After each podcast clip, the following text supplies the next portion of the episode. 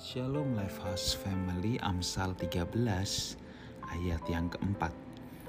Hati si pemalas penuh keinginan tetapi sia-sia sedangkan hati orang rajin diberi kelimpahan. Saudaraku, bermimpi itu memang gratis. Ya.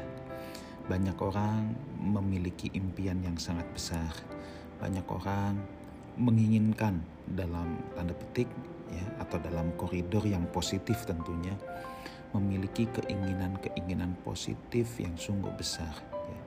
Memang kata orang bilang bahwa bermimpi itu gratis, tidak ada yang salah untuk seseorang punya target yang positif, punya mimpi, punya keinginan yang positif yang digantungkan dengan tinggi.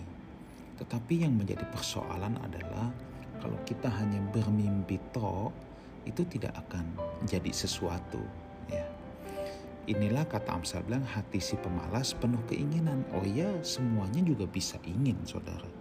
Tapi kalau pemalas tidak pernah berjalan untuk merealisasikan keinginannya atau mimpinya ya maka itu akan berakhir pada kesia-siaan sedangkan hati orang rajin diberikan kelimpahan yang membedakan orang yang malas dengan orang yang rajin ialah yang rajin ingin melakukan bukan hanya bermimpi ya tetapi ia ingin melakukan tentunya step by step selangkah demi selangkah saudara ya selangkah demi selangkah.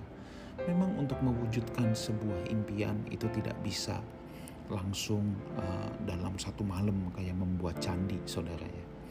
Tetapi harus step by step langkah demi langkah pelan-pelan. Yang membedakan orang rajin dan orang malas Orang rajin akan selalu menambah langkahnya setiap hari, sedangkan si pemalas itu hanya bermimpi saja, hanya angan-angan, hanya bayang-bayang. Tetapi orang yang rajin akan consistently, ya, akan dengan sangat konsisten berjalan terus, berjalan terus, berjalan terus. Seandainya kita punya tujuan di di angka 100, ini sama-sama di titik nol. Kalau si pemalas sampai satu tahun lagi juga masih di nol. Kalau yang rajin katakan satu tahun lagi sudah ada di angka 20. Masih jauh nggak? Masih.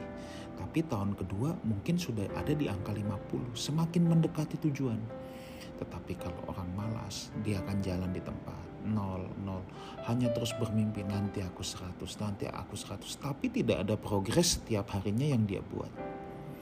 Nah ini juga sama saudara ya Ayo, misalnya contoh dalam kerohanian kita. Kita mau bisa uh, membaca surat cinta Tuhan sampai selesai, Alkitab kejadian sampai Wahyu. Kalau cuma mau doang itu tidak akan terlaksana apa-apa. Adakah kita mengambil uh, step by step setiap harinya? Kita di Lifehouse ada program membaca Alkitab tiga pasal satu hari. Oke, kenapa kalau saudara uh, berpikir aduh tiga masih terlalu banyak.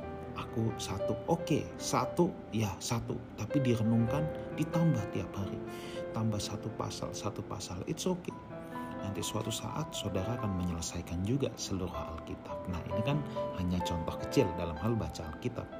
Nah ini sebenarnya bisa kita terapkan dalam seluruh aspek kehidupan kita. Yang penting kita menambah langkah kita setiap hari.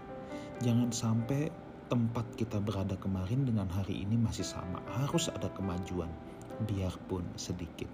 Saya berdoa hati orang rajin diberikan kelimpahan oleh Tuhan. Saya percaya kita semua Lifehouse Family menjadi orang-orang rajin yang terus menambah langkah hidup kita berjalan menuju panggilan surgawi yang Tuhan berikan kepada kita. Tuhan Yesus menyertai kita semua. Amin.